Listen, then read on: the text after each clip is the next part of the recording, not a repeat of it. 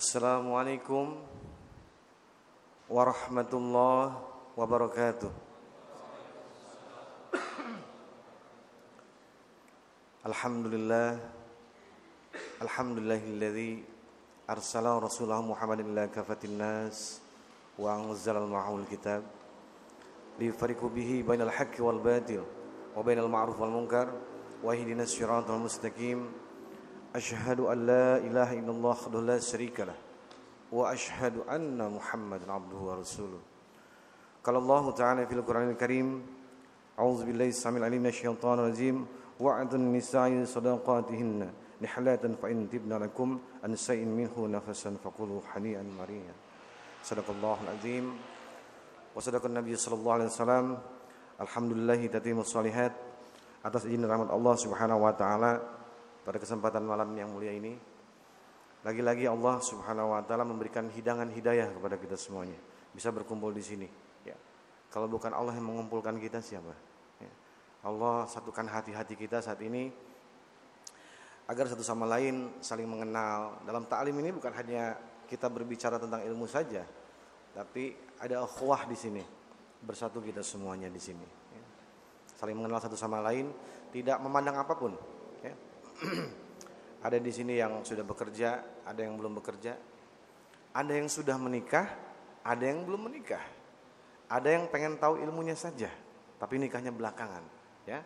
Tapi alhamdulillah malam ini Allah satukan kita semuanya ya. Baik, teman-teman yang dirahmati Allah Subhanahu wa taala, sesuai dengan janji saya eh, pekan kemarin kita pekan ini akan membahas tentang masalah mahar ya. Ini nih yang kadang-kadang sering menjadi bahan masalah bahkan perdebatan kita dengan orang tua atau dengan wali ya. Karena masih ada yang beranggapan bahwa seharusnya sih kajian begini ini orang tuanya dibawa juga. Agar kenapa? Biar paham. Karena akan langsung mendengar. Yang saya jelaskan ini kan semua perkataan Allah, perkataan Rasul, sahabat ya, tabiin dan tabiin, para salaf. Jadi bukan perkataan saya, tapi perkataan mereka. Saya cuma hanya mengulang lagi saja. Gitu. Kenapa perlunya sekali orang tua dibawa ke sini agar mereka memahami. Jadi ketika sudah ada pernikahan itu sudah tidak ada perdebatan lagi. Dan hingga detik ini saya masih mendengar kabar bahwa kendala serius pernikahan adalah ketika calon ya, bukan mempelainya, tapi calon apa namanya sebutnya ya? Calon mertua, khususnya keluarganya, menginginkan pestanya dibesarkan. Kemudian laki-laki si pelamar ini dia nggak kuat budgetnya. Nah itu jadi masalah. Akhirnya sampai apa? Ya sudah ditunda saja pernikahannya tahun depan. Atau tunda sampai ada yang karena udah nggak kuat, akhirnya nyari pinjaman sana sini. Masya Allah, mau bahagia aja harus ngutang duluan. Ya. ya sekarang karena memang keinginan ingin tercumponi, akhirnya dengan ngutang pun nggak ada masalah. Tapi yang jadi masalah adalah ketika beres nikah, pusing gitu semuanya. Ya. Baik, diriwayatkan dari Ibnu Umar bahwa Umar Ibnu Khattab radhiyallahu anhu berkhutbah di hadapan orang-orang, ia berseru, "Ya Yohanes, wahai manusia, janganlah kalian mempermahal ma mempermahal mahar para wanita. Sebab jika wanita itu terhormat, tak seorang pun di antara kalian yang lebih layak untuknya daripada Nabi Shallallahu alaihi wasallam. Beliau sendiri tidak pernah memberi mahar istri-istrinya, tidak perlu menentukan mahar untuk putri-putrinya lebih dari 12 oka dan satu oka ya. Nah, satu okanya itu kurang lebih 40 eh, dirham. Berapa sekarang? Hari ini dirham berapa? 140 ribu. Dikali 40, eh, 400 dirham berapa tuh? Ayo, ada yang punya kalkulator? 120 ribu dikali 400, ya. 400 dirham. Ya. Maka itulah nominal yang dikeluarkan oleh Rasulullah ketika menikahi istri-istrinya. Kalau antum mau ikut sunnah Nabi ya segitu. Ya, enggak lebih loh. Di sini konteksnya kalau lihat dari teksnya tidak lebih dari 400 dirham. Dulu 12 oka namanya. Nah, sekarang kita paham bahwa satu okanya adalah 400 dirham. Ya. Sekarang 400 di 40 dirham maaf ya. 40 dirham dikali 12. Nah, 12 hasilnya berapa? dikali 120 ribu ya. Jadi jumlahnya berapa itu kira-kira? 5 juta ya? 5 jutaan atau 6 jutaan kalau nggak salah. Ya, kurang lebih seperti itu. Artinya tidak seperti itu. Jadi kalau antum semuanya bertanya, Rasulullah berapa maharnya? Nah di riwayat ini menceritakan tidak lebih dari 12 oka atau 400 dirham. Kalau ngomongin sunnah ya, kalau nanti antum mau ngelamar gitu ya. Rasulullah mengeluarkan tidak lebih dari seperti itu. Itu patokan maksimalnya. Sekarang punya uang berapa? Itu seperti itu sunnahnya. Nah, insya Allah pada malam ini kita akan bahas sahabat mengeluarkan apa saja mahar itu. Dari mulai uang dan lain-lain sampai ke hafalan Quran. Nah, hafalan Quran ini kan riwayatnya lihat dulu konteksnya seperti apa sampai-sampai dia memberikan hafalan Al-Quran seperti itu. Ya. Kalau kita mau lihat riwayat seperti itu. Ya. Nah dijelaskan juga, aku sendiri tidak pernah melihat ada seseorang yang melebihkan mahar di atas 400 dirham kata Umar bin Khattab. Ya. Selain Rasulullah SAW. Kemudian ketika Rasulullah juga menentukan mahar bagi putri-putrinya. Putrinya kan bukan Siti Fatimah saja. Ya. Nah, tidak lebih dari seperti itu. Nah, patokannya di sini bagi orang tua ya, makanya mudah-mudahan yang live nonton agar ketika nanti anaknya hendak menikah jangan sampai punya ekspektasi tinggi. Kalau nafsu kan berbicaranya seperti ini, ya namanya juga anak sendiri pengen dirayain lah, biar pesta, namanya juga sumur sehidup seperti nah, dengan dalih-dalih seperti itu. Ingat, Islam tidak mengajarkan hedonisme. Ya. Apa itu hedonisme? Ada yang tua? Ada yang ada yang tahu? hedonisme, hedonisme. Ya, seperti itu. Tidak Islam tidak mengajarkan seperti itu. Foya-foya ya dan lain-lain. Saya tidak pernah berbicara bahwa pernikahan itu harus begini, begini, begini. Tapi ikutilah para salaf seperti apa. Sekarang pertanyaannya, antum pernikahannya pengen berkah nggak? Pengen, ya udah ikutin. Simple kan sebetulnya. Nah sekarang bagaimana menyamakan persepsi antara kita dengan orang tua? baik orang tua kita ataupun orang tua wanita. Calon, calon istri maksudnya. Nah, ada beberapa kisah di sini yang akan saya ceritakan, ya. Salah satunya dari kisah ya tentu kalau berbicara pernikahan Ali bin Abi Thalib dengan Fatimah, teman-teman sudah banyak yang tahu ya. Maharnya apa ya. Kemudian lagi ada kisah tentang uh, Said Ibnu Musayyab. Pernah dengar nama tersebut? Said Ibnu Musayyib seorang ulama dari kalangan Quraisy yang hadir pada masa kekhalifahan Bani apa? Ada yang tahu ya? Bani Umayyah lahir pada tahun 623 Hijriah, wafat pada tahun 732 Hijriah. Beliau adalah salah satu ulama yang luar biasa Ulama yang justru di Masjid Nabawi saat itu adalah tiga orang ya. Salah satunya adalah Said Ibnu Musayyib ini. Ya. Nanti kisahnya akan saya ceritakan. Kemudian lagi diriwayatkan dari Abu Salamah Ibnu Abdurrahman radhiyallahu an ia berkata, aku bertanya kepada Aisyah tentang pernikahan Nabi Shallallahu alaihi wasallam, berapa mahar yang beliau bayarkan? Maka Siti Aisyah menjawab, mahar beliau untuk para istrinya adalah 12 oka dan satu nasyisi. Aisyah lalu bertanya, tahu kamu apa itu nasyisi? Aku menjawab tidak. Dia menjelaskan, nasyisi artinya setengah oka. Berarti jumlahnya 500 dirham. Itu mahar Rasulullah untuk para istrinya. Diriwayatkan dari Muhammad ibnu Ibrahim yang berkata, mahar putri dan istri Rasulullah dalam adalah 500 dirham atau 12 setengah oka atau riwayat yang lain mengatakan tadi 400 dirham. Kurang lebih seperti itu. Ya. Maka ini jadi patokan kita sebagai seorang laki-laki ketika hendak meminang seorang wanita dan wanita pun harus paham bahwa sesuai sunnah itu seperti itu.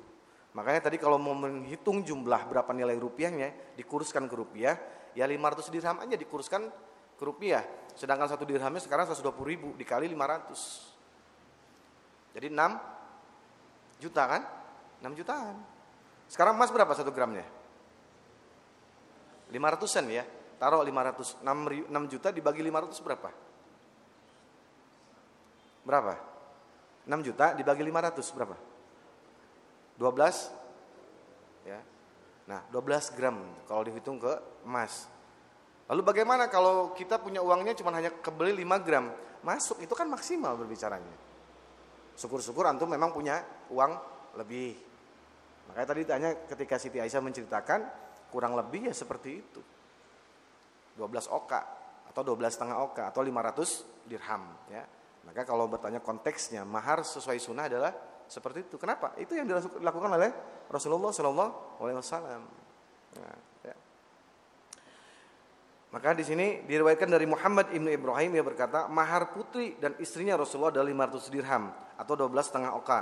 Diriwayatkan dari Ikrimah berkata ketika Nabi Wasallam menikahkan Ali dengan Fatimah, beliau bersabda kepada Ali, berilah Fatimah sesuatu, ya, maksudnya mahar. Maka Ali bin Abi Thalib menjawab, Rasulullah, aku tidak punya apa-apa. Kemudian Rasulullah bertanya, mana baju besimu yang sudah pecah itu? Rasulullah tahu, Ali punya harta itu cuma itu. Baju besi yang udah retak. Maka itulah yang dijadikan mahar pernikahan.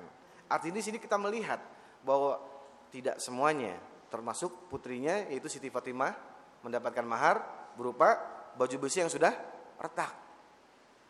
Ya kalau dijual walau alam harganya berapa saya nggak ngerti saat itu ya. Tapi yang pasti di sini Allah memberikan hikmah kepada kita kalau biasanya Rasulullah mengeluarkan 500 dirham, ini ketika menerima pinangan Ali bin Abi Thalib dengan kondisi Ali seorang yang fakir, ya, bukan orang kaya lah gitu ya, pemuda biasa lah seperti itu. Tapi Ali punya kelebihan, ketaatan kepada Allah dan Rasulnya luar biasa. Itu yang menjadi Rasulullah mempertimbangkan Fatimah dinikahkan kepada Ali bin Abi Thalib. Padahal saat itu Umar sendiri menginginkan, Abu Bakar sendiri menginginkan, termasuk Utsman menginginkan. Semua sahabat dekat Rasulullah menginginkan pernikahan dengan Fatimah karena mereka berharap bersambung nasabnya dengan orang yang paling mulia tersebut. Tapi Rasulullah memilih Ali bin Abi Thalib. Padahal Ali tidak punya apa-apa. Nah ini juga sekaligus hikmah bagaimana ketika ada perkataan mengatakan Ketika ada seorang laki-laki yang agamanya kamu ridho, ahlaknya kamu ridho, kemudian melamar putrimu, maka terimalah. Ya. Kalau tidak, akan terjadi apa? Fitnah yang besar di muka bumi ini terhadap tolakan tersebut. Ancamannya ada. Makanya antum kalau mau ngelamar ya jadikan orang bertakwa yang berakhlak beradab. Jadi kalau ngelamar orang tuanya ketakutan itu, waduh, kalau ngelamar repot nih, kan gitu ya. Kalau nolak repot nih. Karena kenapa? Punya daya jual yang luar biasa. Maka hari ini ketika ada seorang pemuda yang taatnya kepada Allah Subhanahu wa taala, ya, yang akhlaknya luar biasa, maka itulah laki-laki yang luar biasa di hadapan calon mertuanya. Ya. Tapi ya ma maaf ya, hingga hari ini pun masih kita dapatkan ada orang tua yang selalu bertanya, kerjanya di mana, Dek? Kalau boleh tahu gajinya berapa? UMR pak. Iya pak saya minta maaf saya punya si punya hutang riba saya. Cicilan motor itu pun udah nunggak dua bulan pak. Ya, masya Allah dia jujur apa adanya. Main riba sih? Iya pak saya nggak punya motor buat ke, ke pabrik. Gitu ya. Maka saya beranikan diri. Setelah saya ikut kajian saya paham saya ini riba. Gitu. Makanya itu Pak, gaji saya habis buat bayar itu, itu pun plus denda Pak. Masya Allah ya. Hari ini seperti itu pemuda-pemuda kita. Ya. Karena sudah terjebak dengan sesuatu yang akhirnya dia bekerja nggak dapat apa-apa. Ada di sini yang kerjanya sudah tahunan, lima tahun, lima tahun ada. Ada belum? Yang lima tahun bekerja? Saya tanya tabungannya ada berapa? Kalau antum sudah bersinggungan dengan riba, habis tuh uang Ya, ada aja tuh di keluarnya lah. Inilah, itulah, inilah, itulah. Akhirnya berantakan semuanya. Masya Allah ya, luar biasa seperti itu. Baik, diriwayatkan dari Abu Hurairah yang berkata, ketika Rasulullah masih bersama kami, mahar kami adalah 10 oka atau 400 dirham. Itu di kalangan para sahabat. Nggak lebih seperti itu kata Abu Hurairah. Kami uh, tidak berani sampai melebihkan. Kenapa? Karena di sini termasuk adab. Sahabat tahu persis bagaimana uh, mereka berakhlak kepada Rasulullah SAW. Mereka nggak berani sampai melebihkan itu. Walaupun di kalangan sahabat ada orang-orang kaya yang mereka mampu sampai 100 oka gitu ya, sampai 200 oka gitu. Tapi karena mereka punya akhlak yang luar biasa kepada Rasulullah, mereka nggak mau. Malu yang ada seperti itu. Ya. Karena Rasulullah SAW kita ketahui bahwa Rasulullah tidak pernah mendidik kita menjadi orang yang hedonis tadi yang saya jelaskan ya, seperti itu. Kemudian diriwayatkan dari Anas ibnu Malik bahwa Nabi Shallallahu Alaihi Wasallam melihat bekas kekuningan di tubuh Abdurrahman bin Auf, maka beliau bertanya, tangannya kuning. Apa ini? Abdurrahman menjawab, Rasulullah, aku menikahi seseorang wanita dengan emas sebesar bebijian. Lantas beliau bersabda, semoga Allah memberkahimu. Laksanakanlah walimah, walau kamu hanya dengan seekor kambing. Artinya maksudnya nyembelih seekor kambing untuk walimah tersebut. Kenapa begitu pentingnya walimah di sini? Ya, lihat perkaranya. Ketika Abdurrahman bin Auf mengabarkan kepada Rasulullah barusan barusan saja dia menikah. Ya. Kemudian uh, Rasulullah dan dia menceritakan bahwa saya bermahar dengan emas seberat biji-bijian. Tidak disebutkan di sini bijinya biji apa? Biji semangka kah? Biji kedongdong kah? Ya. Kalau biji kedongdong kan gede, ya. Biji salak kah? Wallahu a'lam. Tapi biji-bijian taruhlah biji padi dan lain-lain. Artinya kalau kita berhitung dengan uh, rasio kita kalau seberat biji gitu kira-kira setengah, ay setengah, seperempat gram ada ya Nah, sekarang di, di, dirupiahkan berapa? Kalau tadi satu gramnya ada 500 ribu, berarti 125 ribu. Mahar Abdurrahman bin Auf. Kemudian Rasulullah menekankan kepada Abdurrahman bin Auf, wahai Auf, segera laksanakan walimah. Sekalipun kamu hanya menyembelih seekor kambing. Kalau diukur dengan para sahabat muhajir sama ansor saat itu nggak akan cukup kambing satu. Tapi di sini ditekankan oleh Rasulullah rayakan. Walaupun dengan seekor kambing. Kalau kita nggak mampu, cuma punya ekor seekor ayam, ya udah laksanakan. Yang penting sunahnya dapat. Ada walimahnya, ya seperti itu. Nah, di sini Rasulullah tidak pernah menyuruh kepada kita, ya sudah panggil organ tunggal. Ya. Oke lah, taruhlah di zaman dulu nggak ada ya, nggak ada gitu. Taruhlah penyair dan lain-lain ya. Kemudian penabuh duf kan sudah ada dari dulu. Ya. Apa namanya semacam kayak kalau kita sebutnya ketimpring ya. Ketimpring seperti itu. Nggak ada nggak ada seperti itu. Tapi ketika ada pernikahan yang lain, memang ada diceritakan karena ketika uh, ada sebuah hadis menjelaskan ada penabuh dari kalangan budak kaum wanita yang masih kecil menabuh duf. Maka saat itu Abu Bakar memarahinya, kemudian Nabi mencegahnya biarkan, karena ini adalah hari raya. Ya. Hari raya di sini Allah alam disebutkan seperti apa, tapi perayaan di sini. Ya. Maka uh, Nabi tidak mengajarkan hal seperti itu. Yang ditekankan oleh Rasulullah adalah ketika seorang pemuda sudah tidak mampu menahan sahwatnya, kemudian dia mampu menikah. Taruhlah kalau memang tadi dikatakan tidak mampunya karena memang masalah finansial. Lalu kisah Ali tadi apa manfaatnya untuk kita? Ali kan tidak punya apa-apa. Sampai-sampai maharnya adalah baju perangnya yang udah retak. Apa sudah mampu secara finansial? Pertanyaan saya seperti itu. Coba teman-teman nangkap nggak hadis tersebut? Apakah mampu finansial di situ ditekankan? Bukan, mental.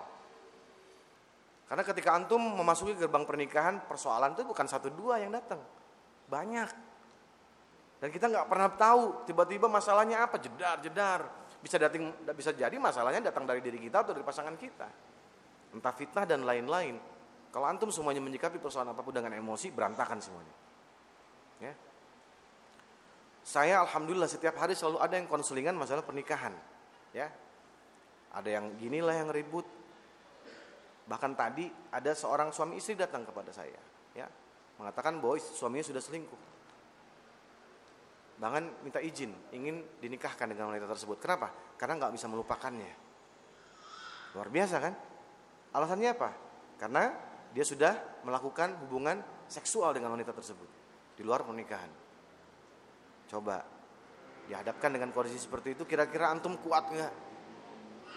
Ya, bisa stres tuh kalau nggak punya iman tuh. Tapi bagi hamba-hamba Allah yang mengatakan bahwa tidak ada kejadian di dunia ini yang kebetulan maka seketika dia mengembalikan semua perkaranya kepada Allah Jalla Jalla. La haula wala quwata Ya. Coba kondisi sekarang yang kita lihat zaman zaman hari ini, segala bentuk kemaksiatan tuh di mana-mana.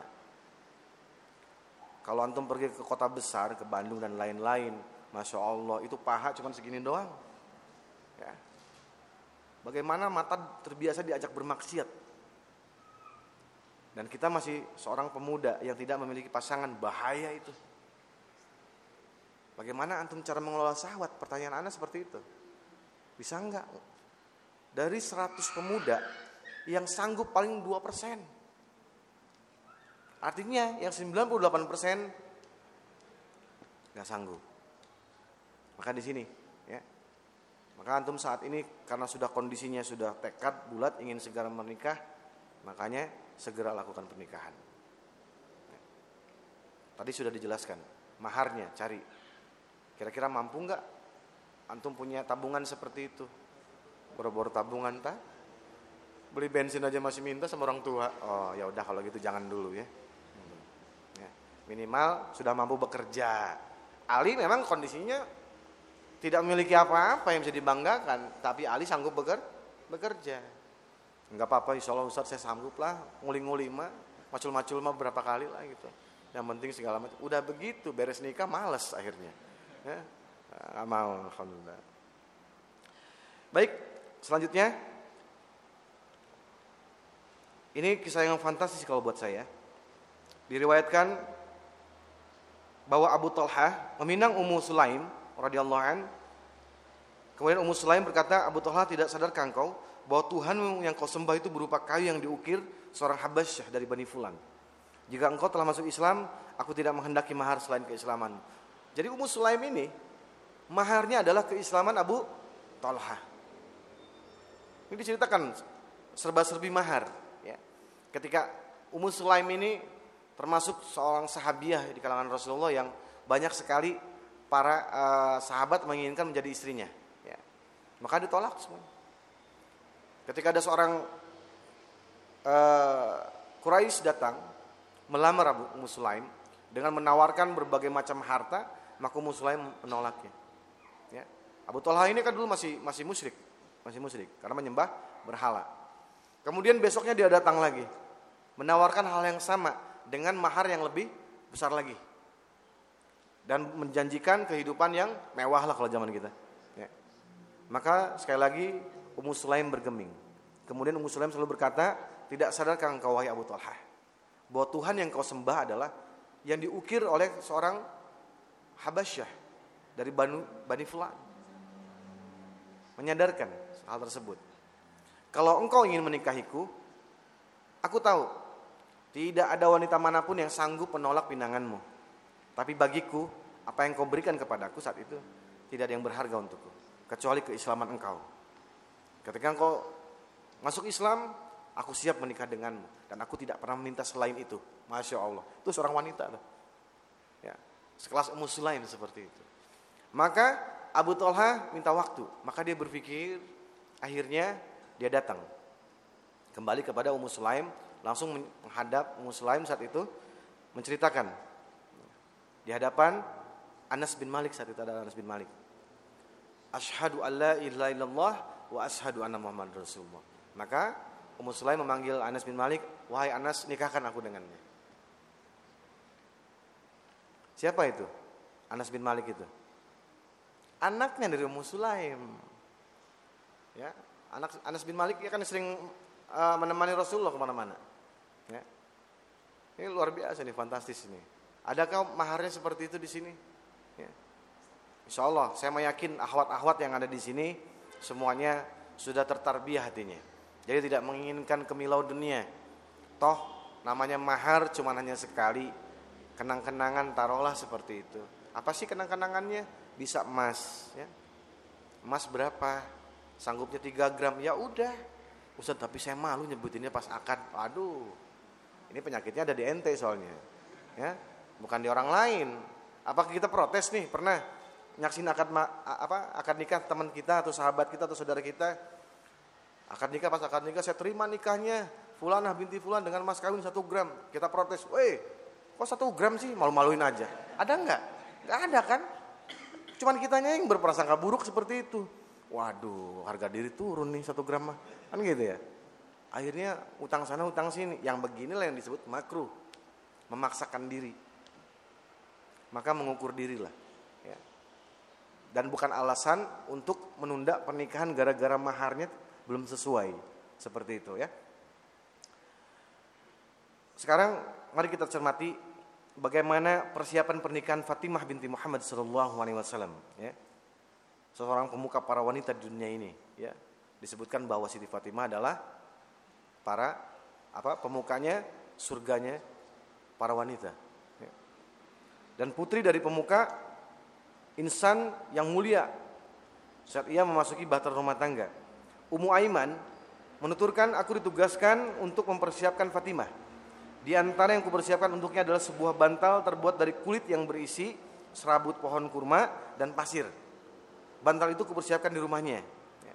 Nah itu menurut pengakuan Ummu Aiman. Kemudian diriwayatkan dari Darim Ibnu Ibnu Abidurrahman Ibnu Salabah Al-Hanafi yang berkata, seseorang yang pamannya berasal dari kalangan Ansor menceritakan kepadaku katanya nenekku menceritakan kepadaku bahwa ia termasuk salah satu wanita yang menyerahkan Fatimah kepada Ali. Nenekku menuturkan Fatimah diserahkan dengan mengenakan dua potong baju. Ia mengenakan perhiasan yang licin terbuat dari perak yang diberikan wewangian jafaran. Ya. Kami lalu masuk ke rumah Ali. Di dalamnya ada kulit kambing penutup bale-bale yang terbuat dari tanah untuk tempat duduk. Juga sebuah bantal yang berisi serabut. Ada juga tempat air minum, alat penumbuk gandum, handuk dan nampan untuk makan. Kebayangan? Ya. Anaknya Rasulullah SAW menghiasi pernikahannya seperti itu dengan seadanya. Kalau kita udah menikah nyusahin orang tua, mintanya yang macem-macem, ya nggak apa-apa mah. Pokoknya saya mah pengennya spring bed yang nomor 9 lah, merek yang ini, wah semua tuh. Kata ibunya ya Allah bikin pusing aja nih anak. Ya. Udah nikahnya minta di. Kadang-kadang kalau sekarang saya liatin mahar itu bukan dari dari dirinya, tapi dari orang tua kan. Ya, nah itu. Sekarang kalau memang antum belum mampu membayarkan mahar, jangan membebani orang tua. Nah ini jadi tradisi akhirnya. Jadi tradisi. Kalau ketika kita nikah harus dari orang tua. Saya alhamdulillah. Selama saya pernikahan saya, yang ke satu baik yang kedua, tidak menggunakan uang dari orang tua saya. Pribadi saya minta kepada Allah. Karena Allah maha kaya yang saya tahu. Saya nggak mau membebani orang tua saya. Dan alhamdulillah karena kita tahu bahwa Allah maha kaya ketika kita minta dikasih. Seperti itu ya. artinya sesuatu yang kita perjuangkan. Sesuatu yang kita cari. Kalau antum punya tabungan ya silakan ya sekarang ngukur diri aja kalau tabungannya cuma sejuta dua ratus maharnya pengen 5 gram dari mana coba Ya. Terus buat resepsinya, walimahnya minta ke orang tua. Aduh, udah kayak gini nyusahin juga nih. Ya. Lebih baik jangan. Gitu. Nah, kan saya, saya jelaskan tentang bagaimana keberkahan itu ternyata bermula dari mahar juga. Keberkahan pernikahan. Ya. Antum boleh percaya boleh tidak. Ya. Buat ukhti juga yang di belakang sana. Keberkahan rumah tangga kalian itu terletak seberapa maharnya. Berawal dari mahar. Semakin murah maharnya, maka semakin berkah di hadapan Allah Subhanahu wa taala. Karena Islam sudah menekankan sebaik-baiknya wanita adalah yang paling murah maharnya. Allahu akbar ya. Mudah-mudahan ini akan menjadi uh, semacam kayak giroh di kalangan para akhwat yang masih melajang. Jadi ketika berbicara walimah, dia tidak meminta sesuatu apa pun. Nah, tapi insya Allah saya sering beberapa kali ya diskusi dengan para ahwat tentang mahar. Mereka selalu menekankan Ustadz kita mau dikasih berapa aja insya Allah. Ya, ikhlas nerima. Yang penting bulan madunya ke Amerika. Itu lebih nyusahin ya. Luar biasa. Ali radhiyallahu an menuturkan ketika aku menikahi Fatimah kami tidak memiliki apa-apa kecuali kulit domba yang digunakan untuk alas tidur. Ya, alas tidur pada malam hari. Ya. Dan alas rumput makanan unta kami pada siang hari. Coba bayangin tuh. Kalau siang hari buat alas rumput unta, makanan unta. Kalau malam dipakai buat selimut. Kira-kira kalau kita nikah istri kita begitu, siang-siang buat alas makan kambing kita misalkan. Malam-malam sayangku tidur pakai ini nih. Kira-kira apa yang terjadi? Besok-besok benjut ini nih. Ya. Pasti tuh dipukul sama centong tuh kita tuh ya. Seperti itu. Nah inilah bagaimana sisi ter terbiah terbaik adalah ketika kita memilih seorang calon istri adalah akhlaknya. Dan dia bisa menerima kondisi kita apa pun kondisinya. Jangan bermimpi yang fantastis. Pernikahannya bakal begini. Syukur-syukur diiringi sama rider ya. Polisi itu tuh. Ngiyung, ngiyung, ngiyung. Masya Allah. Pengen gak kayak gitu? Hah? Aduh, cuma sehari sayang uangnya. Ya. Lebih baik uangnya digunakan setelah pernikahan karena setelah pernikahan tuh pasti banyak belanja nyantum. Ada aja itu. Sikat kamar mandi lah dibeli, ya. Oh, udah macam-macam udah semuanya. Tanyakan lah yang baru-baru nikah. Awal-awal pernikahan tuh akan disibukkan untuk membeli hal seperti itu. Kalau antum sudah boros di awal, kebingungan. Jangan-jangan sampai nanti kantor yang ada hutang banyak. Pas gajian, loh kok mas? Gajinya cuma 500 iya neng. Uangnya habis buat bayar kemarin pinjem masalah nikahan. Aduh. Jangan. Jangan seperti itu. Banyak kasusnya seperti itu ya. Akhirnya di awal pernikahan istrinya cuma hanya nerima gaji seperempat apalagi kalau yang SK-nya udah digadein ke bank. Ditambah ngutang lagi sisanya. Ya Allah kebagian setiap bulan 200 ribu. Ada yang ngeluh seperti itu. Karena sudah salah di awal ya. Udah jelas riba. Eh lima. Di ini juga. Dulu kan nggak ngerti bisa doyok ya lah. Seperti itu ya. dan diceritakan juga kami pun tidak memiliki pelayan. Selain Fatimah sendiri yang melayaniku. Diriwayatkan juga dari Ali bahwa pada saat menikahkannya dengan Fatimah Rasulullah menyerahkan Fatimah dengan kain tebal yang kasar ini hadiah dari Rasulullah kepada pernikahan Ali ya kain yang kasar bantal yang terbuat dari kulit berisi serabut dua buah lumpang batu, tempat minum dan dua buah tembikar. Buat ngagurus ini, apa namanya? Gandum. Ya. Suatu hari Ali berkata kepada Fatimah, "Demi Allah, wahai Fatimah, aku selalu mengambil air dari sumur hingga dadaku sakit. Ayahmu telah datang membawa seorang budak." Karena Ali melihat Rasulullah datang membawa budak. Wah, ini peluang kata Ali ini ya. Saya udah sakit nih, tiap hari ngangkutin air dada saya. Pergilah dan mintalah budak kepada ayahmu sebagai pelayan untuk rumah tangga kita. Fatimah berkata, demi Allah, aku juga selalu menumbuk gandum hingga tanganku bengkak, kata Siti Fatimah. Lalu Fatimah mendatangi Nabi Shallallahu Alaihi Wasallam. Beliau menyapanya, ada apa putriku? Fatimah menjawab, aku datang hanya ingin menyapa ayah. Tadinya dari rumah udah niat pengen ngomong, ketemu bapaknya nggak jadi ngomong, ya. Itulah, masya Allah, bagaimana akhlak seorang anak kepada ayahnya. Ya. Lihat di sini, bagaimana Fatimah radhiyallahu anhu sudah terbentuk karena didikan Rasul Rasulullah SAW. Fatimah malu untuk meminta seorang pembantu kepada beliau. Maka ia pun pulang. Ali lalu bertanya kepadanya, apa yang kau lakukan? Ia menjawab, aku malu memintanya. Akhirnya Ali dan Fatimah datang bersama kepada Rasulullah SAW. Ali berkata, demi Allah, wahai mertuaku, aku mengambil air sendiri di sumur hingga dadaku sakit. Sementara Fatimah juga berkata, ayahku, aku menumbuk gandum sehingga tanganku bengkak. Allah telah mendatangkan kepada ayah seorang budak, jadikanlah budak itu sebagai pembantu kami. Apa jawab Rasulullah? Rasulullah menjawab, demi Allah, aku tidak akan memberikan kalian budak tersebut. Aku ingin memenuhi kebutuhan perut ahli sufah. Apa ahli sufah? Hah? kaum duafa, ya, mustadafin. Rasulullah paling sering berkumpul dengan para ahlu sufah, ya. Berkumpul dengan mereka yang memang tidak memiliki apa-apa, ya. Nah, Rasulullah ingin diberi budak ini ingin dijual sama Rasulullah, kemudian uangnya dibagikan kepada ahlu sufah tersebut. Nah, niat Rasulullah seperti itu ya. Aku ingin memenuhi kebutuhan perut ahli sufah tetapi aku tidak punya apa-apa untuk mereka. Jadi Aku akan menjual budak itu kepada kalian agar uangnya bisa kuberikan kepada ahli sufah. Akhirnya Ali dan Fatimah pun pulang. Sesampainya di rumah, keduanya merebahkan diri di pembaringan dengan berselimutkan kain kasar yang tadi saya ceritakan. Kain kasar yang dimiliki Ali dan Fatimah adalah sebentuk tilam yang jika kepalanya mereka tutup dengannya, kedua kakinya bakal terlihat. Kalau kakinya ditutup, maka kepalanya akan terlihat. Saking kurangnya itu. Enggak seperti kita di rumah Tidur pakai bed cover, pakai AC, masya Allah. Giliran azan subuh, as-salatu khairum minan naun. Aduh dingin amat ya nggak kuat. Bentar lagi, akhirnya bangun jam 7 kan? Seperti itu. Gara-gara apa? Nyaman.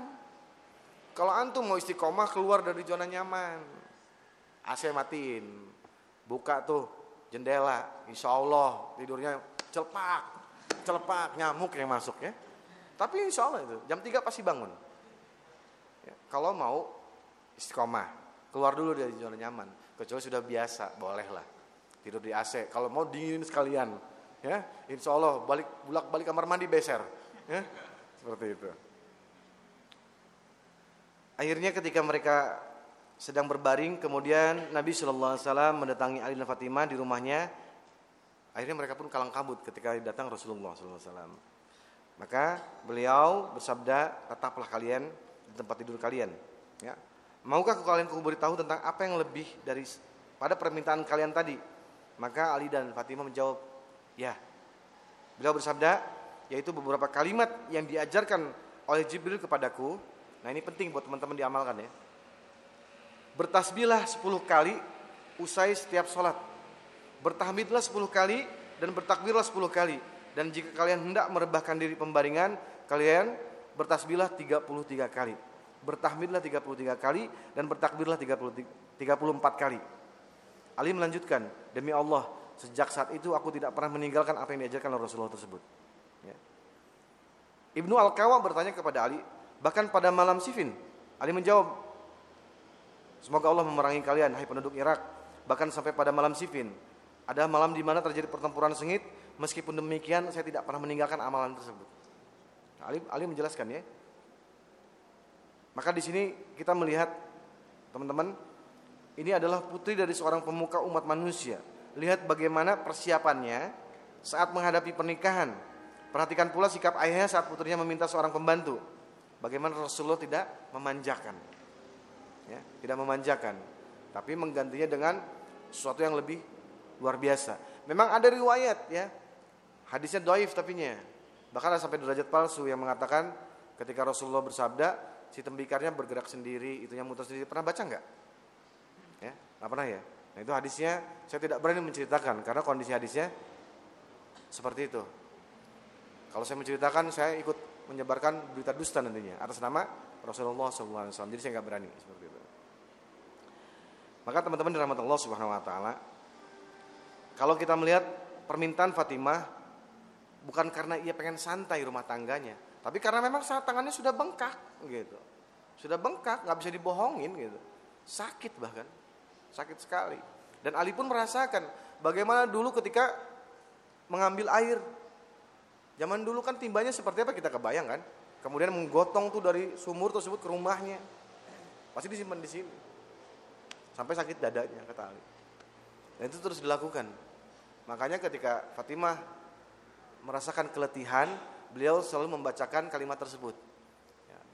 Nah, para mufasir, kemudian lagi kayak Al-Hafiz Ibnu Hajar rahimahullah dalam uh, Fathul Bari menjelaskan, di dalam hadis ini terkandung beberapa pelajaran bahwa barang siapa yang terbiasa berzikir saat hendak tidur seperti tadi yang diajarkan oleh Rasulullah SAW, ia tidak akan pernah merasakan letih. Fatimah sendiri mengeluhkan rasa letih yang dirasakan dalam bekerja, kemudian Rasulullah menganjurkan untuk berzikir, maka letih tersebut insya Allah akan hilang. Ya, kan kalau ngomongin letih mau rumah tangga pasti letih ya. ya. Dan ini pun dianjurkan oleh Ibnu Taimiyah tentang amalan tersebut. Bagaimana seorang istri ketika letih sudah seharian mencuci piring, mencuci baju, ngepel, mas, e, memasak dan lain sebagainya, maka ketika hendak berbaring di pembaringan hendak tidur, maka jangan lupakan bertasbih 33 kali, bertahmid 33 kali dan bertakbir 34 kali. Jadi 100 semuanya. Ya. Ini insya Allah akan menjadi obat keletihan kita di saat kita sudah banyak berjuang. Terutama juga sama buat para lelaki ketika pulang dari kerja, ya, di sebelah istrinya ketika tidur sama juga bertasbih. Masya Allah indah sekali akhirnya. Ranjang tersebut disaksikan oleh Allah dan para malaikatnya suami istri bertasbih semuanya. Indah kan? Masya Allah. Indah tuh. Suami istri bertasbih subhanallah. Subhanallah. Subhanallah ya.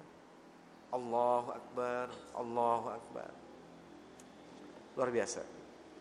Maka insya Allah rumah tangga seperti ini yang akan diberkahi. Antum kalau sudah merasakan pernikahan sakinah, mawahdah, warahmah itu seperti apa? Nyaman rumah tangganya. Nyaman. Ya, bukan berarti orang yang menikah sakinah mawadah warahmah itu gak ada keributan, tetap keributan akan ada, ya. Namanya rumah tangga siapa pun, termasuk rumah tangga Rasulullah pun ada pertengkaran, ya. Ada emosi dan lain-lain. Bukan berarti rumah tangga yang sakinah mawadah warahmah nggak ada. Tapi dari hal tersebut, segala sesuatunya tenang.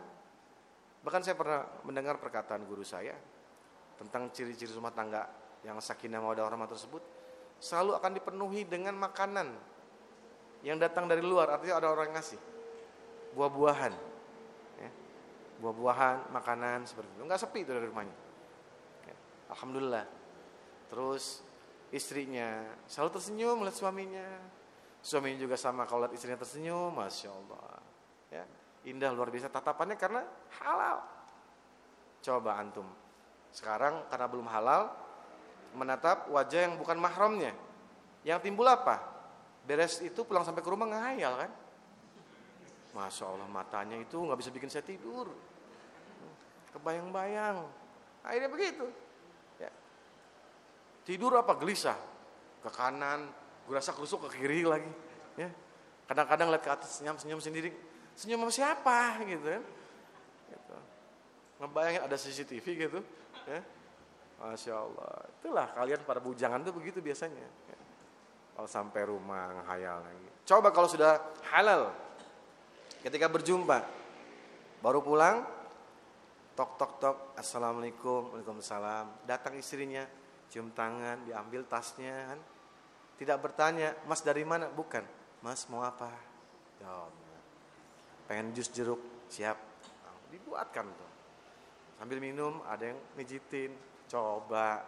Fabi ai ala irabbikuma Nikmat mana lagi yang didustakan Allahu Akbar. Coba sekarang antum pulang kerja ngelunyu aja gini. Paling ngoprek handphone. Itu hidup yang menipu diri namanya itu. Ya. Seolah-olah senang padahal hatinya roibah, gelisah. Gelisah. Allahu Akbar. Ya, Anda pribadi berharap lah. Selepas kajian ini, insya Allah 80 persennya segera mengkitbah. Ya, Insya Allah anak doakan, anak doakan ya, anak doakan. Dan jangan sampai antum memulai pernikahan dengan pacaran, tinggalin pacaran sekarang, ya, tinggalin pacaran. Sekarang minta sama Allah tunjukkan, ya, tunjukkan wanita tersebut, Allah. Kalau sudah tunjukkan, segera datangi. Ditolak, insya Allah, pulang lagi ke rumah, ya. Iya dong, minta lagi, ngadu lagi sama Allah, ya Allah, ternyata saya ditolak. Bukankah ini kehendakmu ya Rabb? hamba sudah berdoa kepadamu ya Allah. Memohon petunjuk. Engkau tunjukkan gadis tersebut. Namun ketika hamba hampiri hamba ditolak ya Allah. Apa? Kata Allah sabar. Ya sabar. Allah cuma meminta kita keluarkan sedekah ya, istanjilu rizqa bisadaqah pancing rezeki kamu dengan sedekah berhasilnya melamar diterimanya lamaran tersebut rezeki bukan pancing tuh saya kalau ngomongin sedekah, hubungannya sedekah dengan lamaran yang diterima itu chemistry-nya deket banget soalnya. Ya. Tadinya ditolak, ditolak, ditolak insya Allah. Siap enggak? Ya siap toh. Alhamdulillah. Langsung temuin bapaknya pak. Maksud saya datang ke sini, saya mau melamar anak bapak. Barangkali anak bapak sudah cerita, iya sudah cerita. Uh, saya memang bukan seorang pemuda yang kaya raya pak tapi saya bekerja, insya Allah gaji saya halal toiban. Saya tidak mampu, saya bahkan belum mampu untuk mensejahterakan putri bapak. Dan saya tidak menjanjikan kehidupan yang kaya raya. Tapi insya Allah saya akan membantu bapak membawa anak bapak menuju gerbang jannahnya Allah Subhanahu wa taala. Wih, dahsyat itu. Pasti ditanya, "Dek, pesantren dari mana?" Kayak gitu ya pertanyaannya. Allah, mental seorang laki-laki tunjukkan. Minta temenin ngelamar sampai pintu rumahnya, kamu duluan, kamu duluan. Ini yang ngelamar siapa sebenarnya gitu? Ya. Ada yang begitu? Nah, ada banyak, bukan ada lagi banyak ya. Nah di sini teman-teman yang Allah Subhanahu Wa Taala, teladan inilah yang harusnya kita contoh dan bagaimana Ali bin Abi Thalib dengan Fatimah Zahra alamatul wajhah ya. Ali adalah seorang pemuda miskin, begitupun Fatimah bukan seorang wanita yang mementingkan hedonisme, materialistik, tidak. Dia sudah bahagia ketika dinikahi oleh seorang pemuda yang taatnya luar biasa kepada Allah Subhanahu wa taala. Ketika Rasulullah memilihnya, maka tidak akan mungkin salah pilih seperti itu.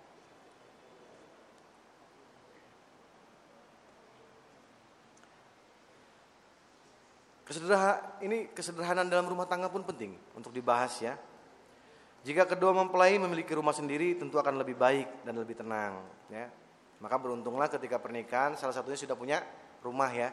Atau biasanya ada orang tua yang memang sudah menyiapkan rumah ketika anaknya menikah nih. Enak banget tuh yang begitu. Di sini ada yang begitu? Kalau nikah disiapkan rumah sama orang tuanya? Ada nggak? Hah? ada nggak kalau nggak ada berarti sama sama saya ya. alhamdulillah tapi Allah maha kaya saya itu alhamdulillah saya tidak pernah lepas mengucapkan alhamdulillah karena memang rasa syukur tersebut yang selalu ada dalam diri saya. Karena Allah mudahkan semuanya. Sekarang fungsi rumah kan cuma hanya untuk tempat tidur, ya.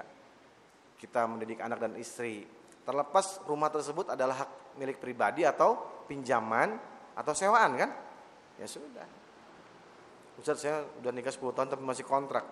Sekarang bukan masalah kontrak dan punyanya, tapi haknya. Hak tempat tinggal Allah berikan kepada kita. Seperti itu ya. Jadi tidak mungkin Allah zalim kepada kita.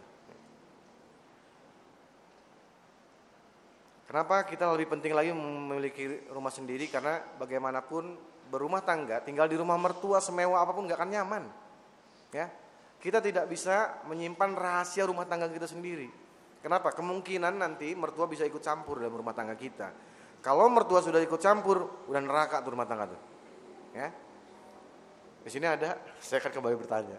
Ada yang yang mertuanya ikut campur? Ya. Kadangkala ya inilah Sisi keburukan ketika anaknya sudah menikah dengan dalih ingin membuat perbaikan akhirnya terjun ke dalam. Padahal orang tua nggak boleh seperti itu. Ya. Kalaupun ada keributan sebagai penengah saja.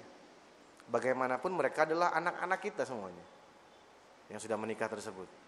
Jangan sampai akhirnya kemudian juga ada juga peristiwa yang memang dalam rumah tangga terjadi keributan salah satunya cerita kepada keluarganya mengadukan curhat nih ke kakaknya, ke ibunya, ke saudaranya ya.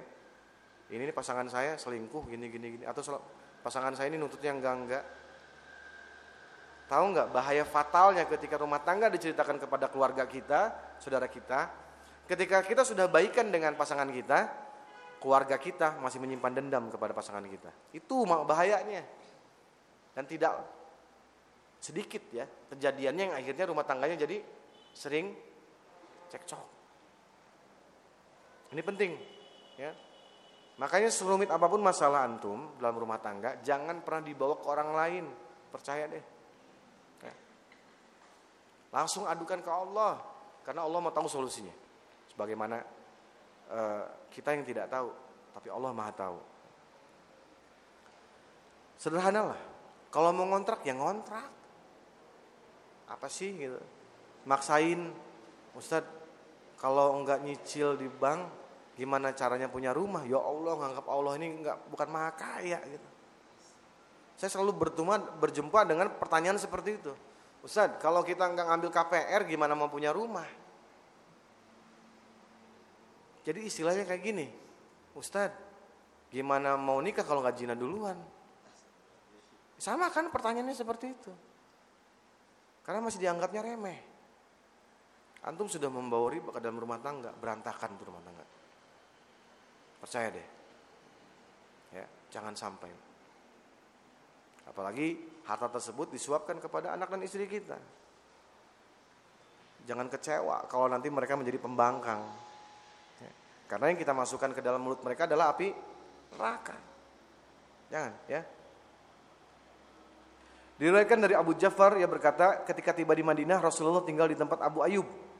Ya, kan sejarahnya ketika hijrah tuh Rasulullah SAW sampai di Madinah maka unta Rasulullah kan semua penduduk Ansor itu menginginkan Rasulullah tinggal di rumahnya. Tapi Rasulullah mempersilahkan untanya berhenti di mana di situlah dia akan tinggal. Ya. Ternyata unta Rasulullah berhenti di depan rumah Abu Ayub. Maka semua sahabat Ansor saat itu menyalami. Beruntung sekali kamu wahai Abu Ayub. Ya. Allah memberkahiku, Allah memberkahiku. Itu ucapan Abu Ayub ketika mengetahui bahwa unta Rasulullah tinggal di depan rumahnya. Dan Rasulullah tinggal di rumah Abu Ayub selama satu tahun. Ya. Kemudian Rasulullah membangun rumah sendiri yang akhirnya menjadi Masjid Nabawi itu ya. Sewaktu Ali menikah dengan Fatimah, beliau bersabda kepada Ali, "Carilah sebuah rumah." Ali pun mencari rumah, tetapi ia mendapatkan yang agak jauh dari Rasulullah. Ali memulai hidup berumah tangga dengan Fatimah di rumah tersebut. Pada satu kesempatan Rasulullah menemui Fatimah dan berkata, "Aku ingin mendekatkan rumahmu dengan rumahku." Fatimah berkata kepada Rasulullah, bicaralah kepada Haris ibnu Nu'man agar ia pindah dari samping rumahku. Maka Rasulullah menjawab, ia akan pindah, tetapi aku malu mengatakan kepadanya. Perkataan itu sampai ke telinga Harithah. Dan ia pun bergegas pindah rumah. Kemudian dia mendatangi Rasulullah SAW menjelaskan, Rasulullah, aku mendengar kabar bahwa Anda ingin mendekatkan Fatimah dengan rumah Anda. Inilah rumahku rumah Bani Nazar yang paling dekat dengan kediaman Anda. Aku dan hartaku hanya milik Allah dan Rasulnya. Demi Allah, wahai Rasulullah. Anda mengambil hartaku lebih kusukai daripada Anda memberikan harta kepadaku. Tuh, lihatin. Ya, sahabat itu seperti itu ke Rasulullah itu. Gak mau menerima uang dari Rasulullah. Kalau bisa mereka lah yang memberikannya. Tapi kan Rasulullah gak mau juga. Seperti itu. Ketika Harithah ibnu Nu'man mengumumkan hal itu tersebut, Rasulullah bersabda, engkau benar. Semoga Allah memberkahimu. Fatimah pun dipindahkan ke rumah Harithah. Kemudian mendekat seperti itu. Tapi di sini bukan karena Rasulullah ingin ikut campur rumah tangga ya tidak. Karena saking sayangnya kepada putri satu-satunya karena semuanya sudah meninggal. Ya, tinggal Siti Fatimah saja seperti itu. Ya. Nah sekarang kisah yang tadi saya janjikan. Kisah Said ibnu Musayyib menikahkan putrinya dengan mahar senilai dua dirham. Tadi satu dirham berapa? 120 ribu ya. Berarti maharnya 240 ribu. Sayyid bin Musayyab yang menikahkan putrinya dengan mahar hanya senilai dua dirham, ini bukan ini merupakan teladan yang sangat agung dalam mengikuti manhaj Rasulullah SAW. Ya. Kisahnya dituturkan oleh Imam Az-Zahabi dalam kitab Asyar Al-Alam An-Nubala. Abu Bakar Ibnu Abi Daud menuturkan putri Said dipinang oleh Abdul Malik untuk dinikahkan dengan putranya. Abdul, Abdul Malik ini siapa? Khalifah saat itu, raja ya, raja dari Bani Umayyah tersebut. Maka ingin menikahkan dengan putrinya Said ibnu Musaib ini. Akan tetapi ulama tersebut menolak. Abdul Malik terus mendesak bahkan sampai Said ya dicambuk karena menolak ajakan raja saat itu. Khalifah dari Bani Umayyah tersebut menolak. Sampai dicambuk bapaknya itu Said itu. Tapi tidak bergeming tetap saja. Sampai dicambuk seratus kali pada suatu hari yang sangat dingin bayangkan. Lalu ia disiram dengan seember air kemudian dipakaikan jubah dari bulu domba. Tuh penghinaannya seperti itu penyiksaannya ya. Katsir ibnu Abi Waddah mengisahkan aku selalu menemani Said ibnu Musayyab. Suatu ketika aku absen beberapa hari dan ketika aku mendatanginya ia bertanya Min aina anta? Ya. Maka aku menjawab istriku meninggal sehingga aku sibuk mengurusnya.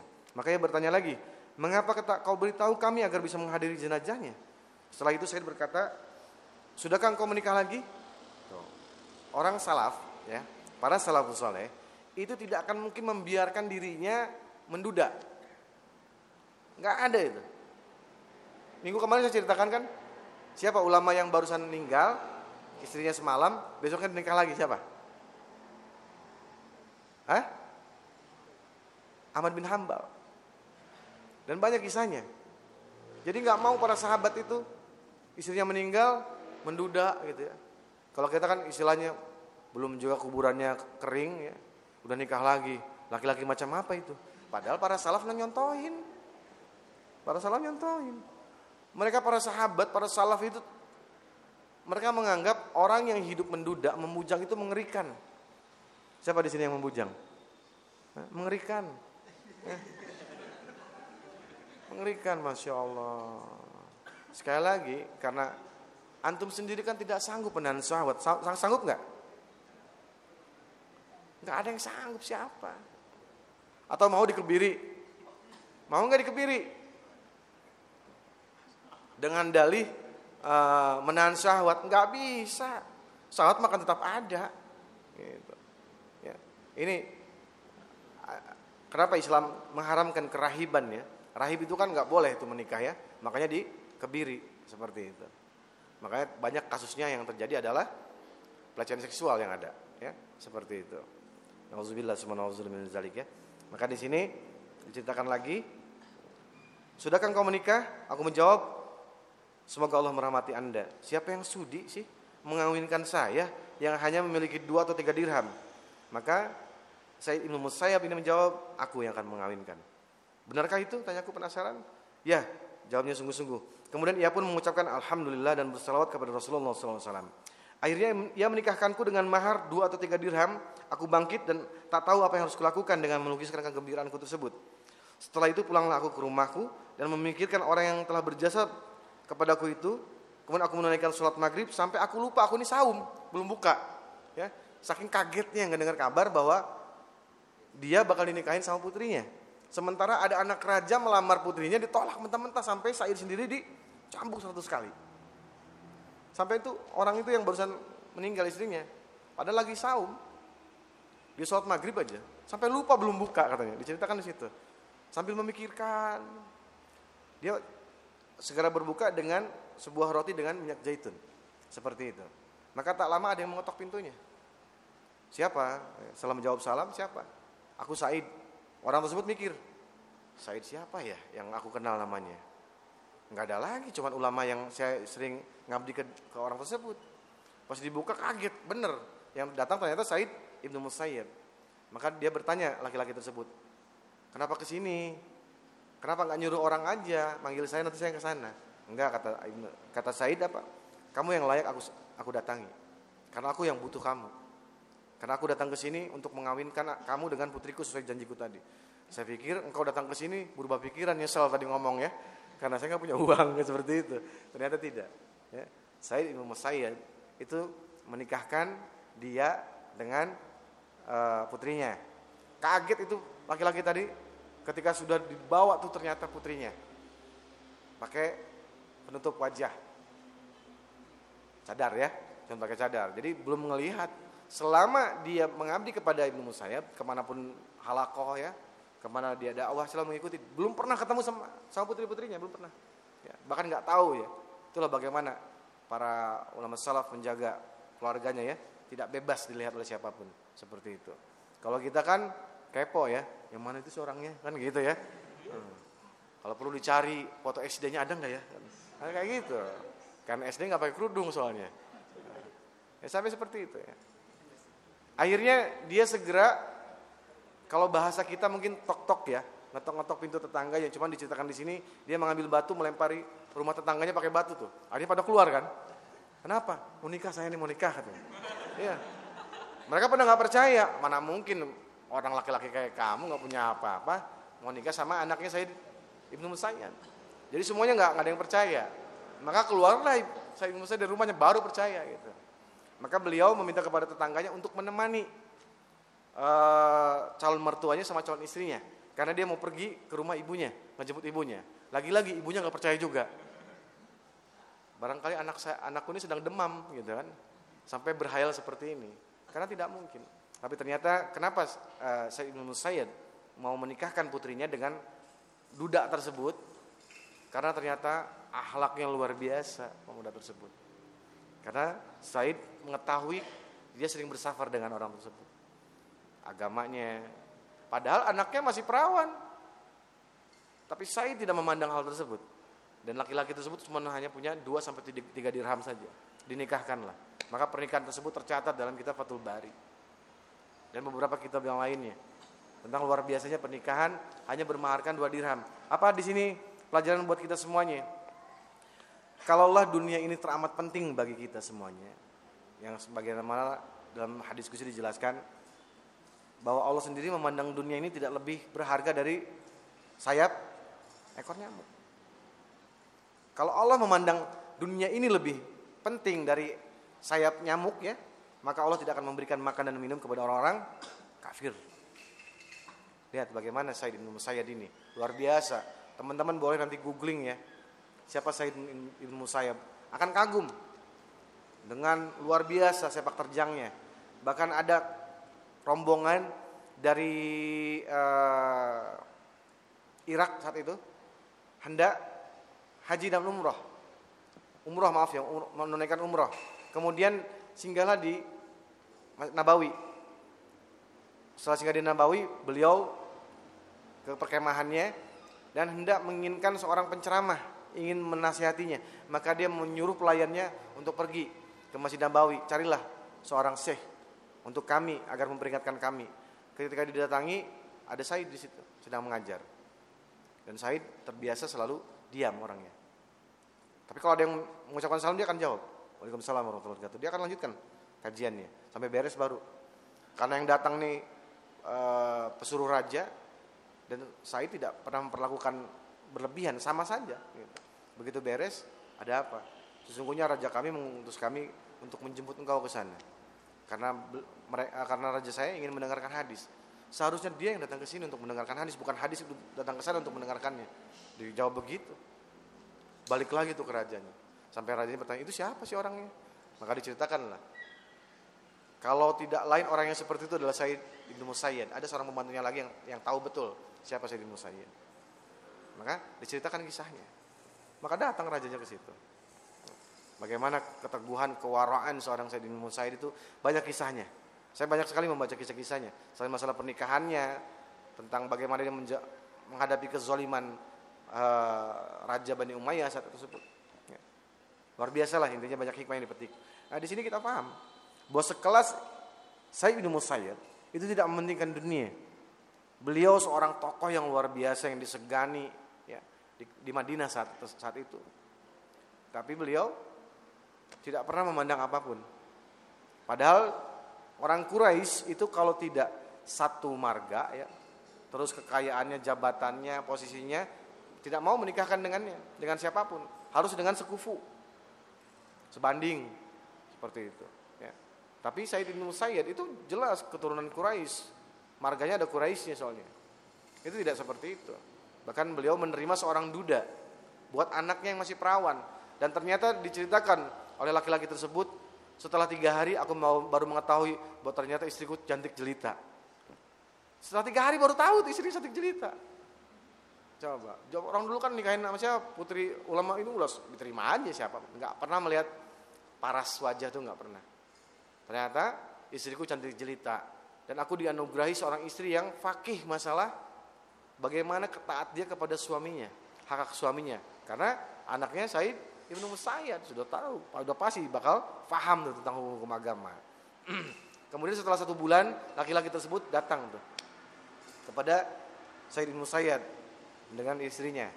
Seperti biasa datang ucapan salam dijawab kemudian melanjutkan kajiannya setelah beres Said bertanya bagaimana kabar istrimu Alhamdulillah aku meninggalkan dia dalam keadaan Allah ridho kepadanya dan musuh membencinya seperti itu Alhamdulillah kalau begitu Kemudian ngobrol seperti biasa begitu pulang dia hadiahi oleh Said Ibnu Musayyad berapa coba? 20 ribu dirham. Dihadiahi itu Masya Allah.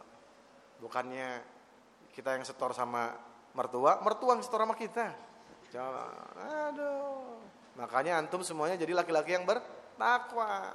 Nanti begitu, tiap main ke rumah mertua diamplopin, ya. Main ke rumah mertua diamplopin, kan enak ya. Kayak gitu. Alhamdulillah itu salihat. Diriwayatkan dari Abu Hurairah seorang lelaki datang menemui Rasulullah yang berkata, "Aku menikahi seorang wanita Ansor." Kemudian Rasulullah bersabda kepadanya, "Apakah engkau sudah melihatnya terlebih dahulu?" Perlu diketahui bahwa di mata orang-orang Ansor ada sesuatu.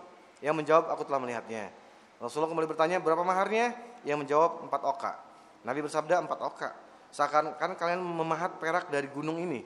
Kami tidak memiliki harta sebesar itu untukmu, tapi semoga saja kami bisa mengutusmu dalam satu misi agar engkau mendapatkan perak sebesar itu. An-Nawawi berkata tentang hadis ini menjelaskan sabda Rasulullah yang berbunyi seakan-akan kalian memahat perak dari gunung ini maknanya adalah memecah-mecah dan membelah-belah perak dari tepian gunung. Di sini tersirat secara hukum bahwa terlalu berlebihan dalam menentukan harga mahar dari pihak suami itu adalah hukumnya makruh. Jadi mengukur diri. Ya. Akhirnya ketika si calon istri bertanya berapa maharnya, si suaminya menentukan, menentukan sendiri. Nah itu ini makruh kata Rasulullah SAW. Jadi apalagi dia sendiri tidak mampu. Karena Rasulullah bersabda seperti ini karena melihat pemuda ini nggak punya harta seperti itu. Dan terbiasanya Rasulullah ketika ada sahabat siapa pun yang sedang butuh apa pun, Rasulullah ada langsung dikasihkan itu, langsung dikasihkan. Maka Rasulullah menjawab, saya tidak memiliki harta sebanyak itu. Artinya Rasulullah ingin membantu, tapi memang keadaannya tidak memungkinkan untuk membantu tersebut. Maka kemudian Rasulullah mengutusnya kepada Bani Abbasah. Meminta bantuan ke Bani Abbasah tersebut cair memang gitu ya. Tapi di sini hikmahnya adalah jangan memaksakan diri tentang mahar ketika memang kita tidak mampu. Banyak di antara kita karena gengsi melihat saking udah nggak kuatnya nih, ya. Aduh pokoknya saya sama dia lah nikahnya, ya. Maharnya anak saya lumayan loh harganya. Berapa? Ya seharga mobil baru lah. Insya Allah saya siap pak. Padahal gajinya setiap bulan juga habis gitu habis buat ongkos dan lain-lain yang begini ini makruh maka jangan pernah takut kalau jodoh nggak akan ke mana bapak saya cuma punya maharnya uang dua juta setengah bapak terima saya nikahkan kalau bapak nggak terima keterlaluan pak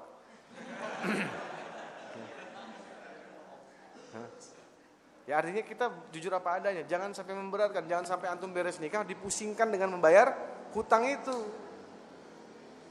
Udah gitu hutangnya minjem dari bank lagi. Aduh Masya Allah. Buat mahar. Astagfirullah. Jangan sampai ya.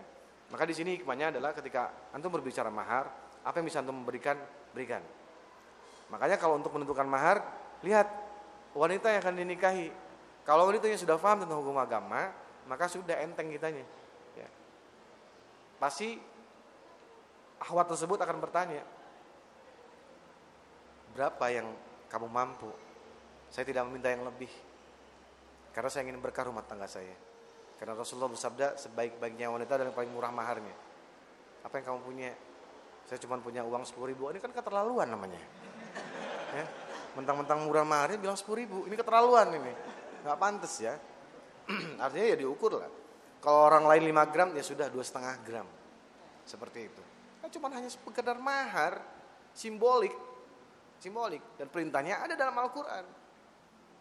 Ya dulu kalau perempuannya mintanya mobil ya mau nggak mau kan. Kalau kita kan, waduh ngukur dua kali deh kayaknya. Ya, tinggal bilang kan, ah dunia tidak selebar daun kelor, masih banyak wanita lain. Itu aja selesai kan. Ente jual mahal ya udah, aneh nggak beli nggak jadi. Gitu. Simple kan, seperti itu. Jangan sampai akhirnya belum apa-apa sudah disusahkan dengan permintaannya. Di sini pun bisa jadi gambaran, ya konteksnya, tapi tidak semua.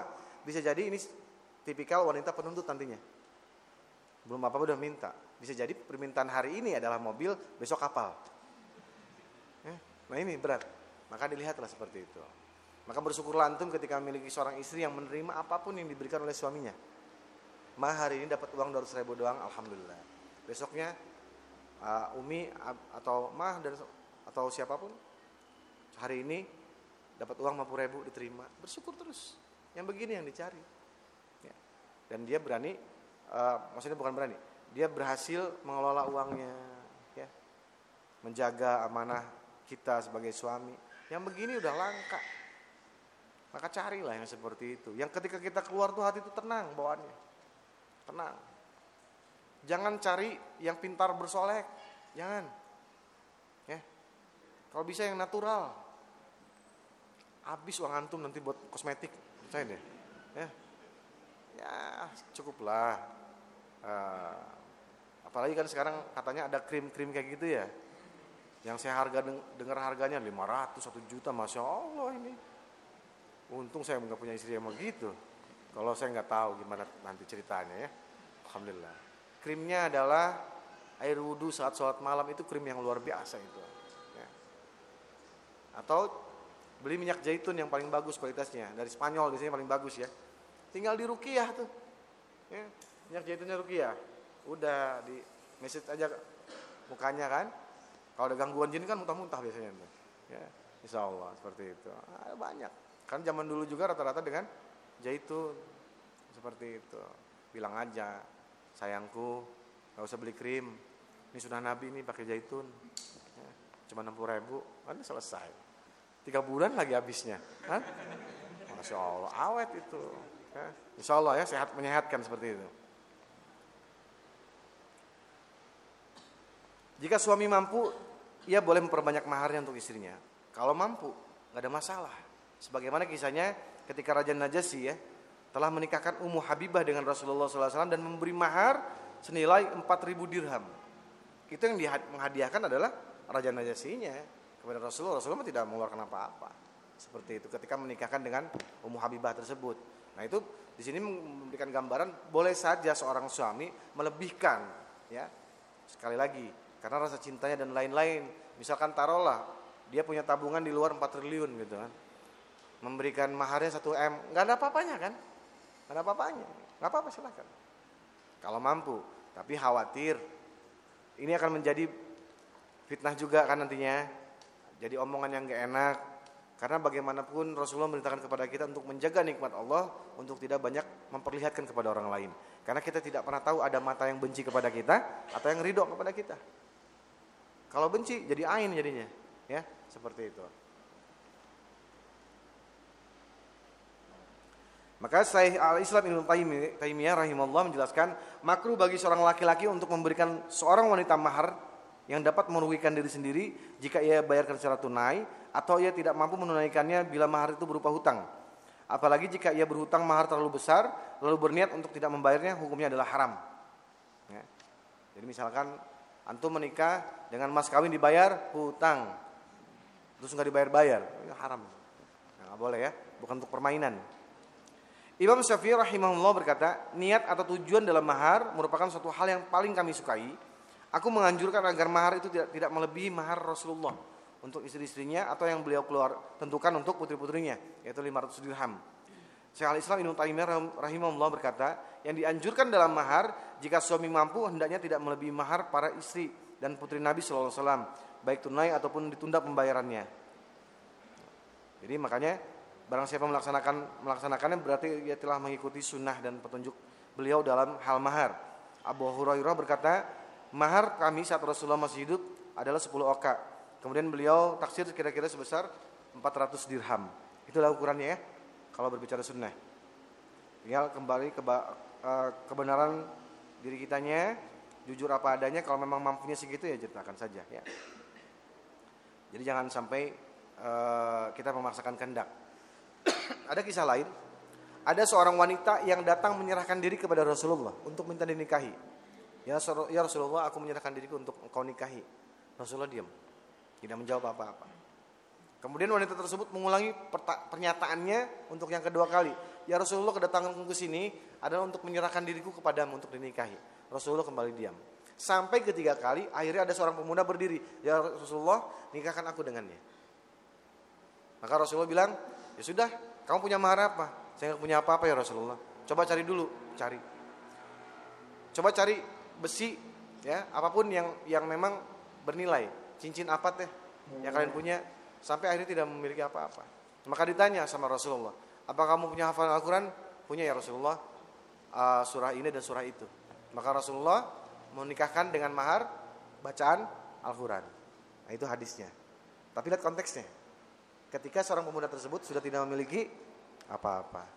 Tapi sekarang ada yang membolehkan ya, tafadhol. Tapi kalau lihat keutamaan hadis tersebut adalah ketika seorang pemuda tersebut tidak memiliki apa-apa. Dan kemudian pendapat yang ketiga adalah uh, sunnah, ay sunnah apa? Mahar dengan bacaan Al-Quran pun itu diperbolehkan karena hadis tadi itu. Jadi antum Kalau nggak punya uang, bilang aja, Pak, bukan berarti saya tidak mau menikahkan bapak, uh, menikahkan anak bapak dengan mahar emas dan lain-lain. Buat saya itu terlalu murah, Pak. Saya ingin berharga di mata Allah dan disaksikan oleh para tamu undangan semuanya.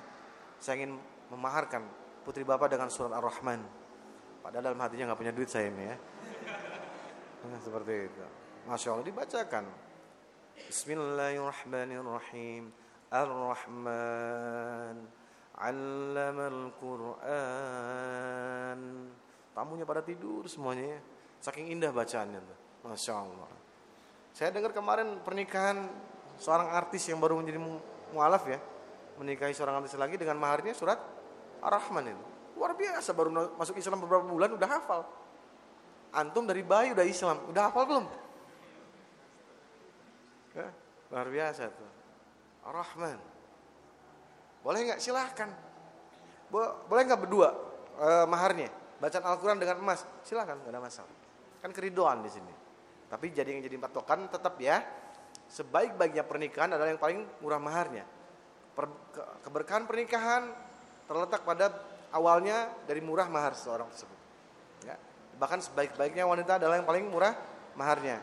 Maka itulah buat para ukhti di belakang sana yang sudah banyak menuntut ilmu, mudah-mudahan ketika nanti ada seorang ikhwan yang mengkitbah, jangan memberi patokan yang berlebihan, ya.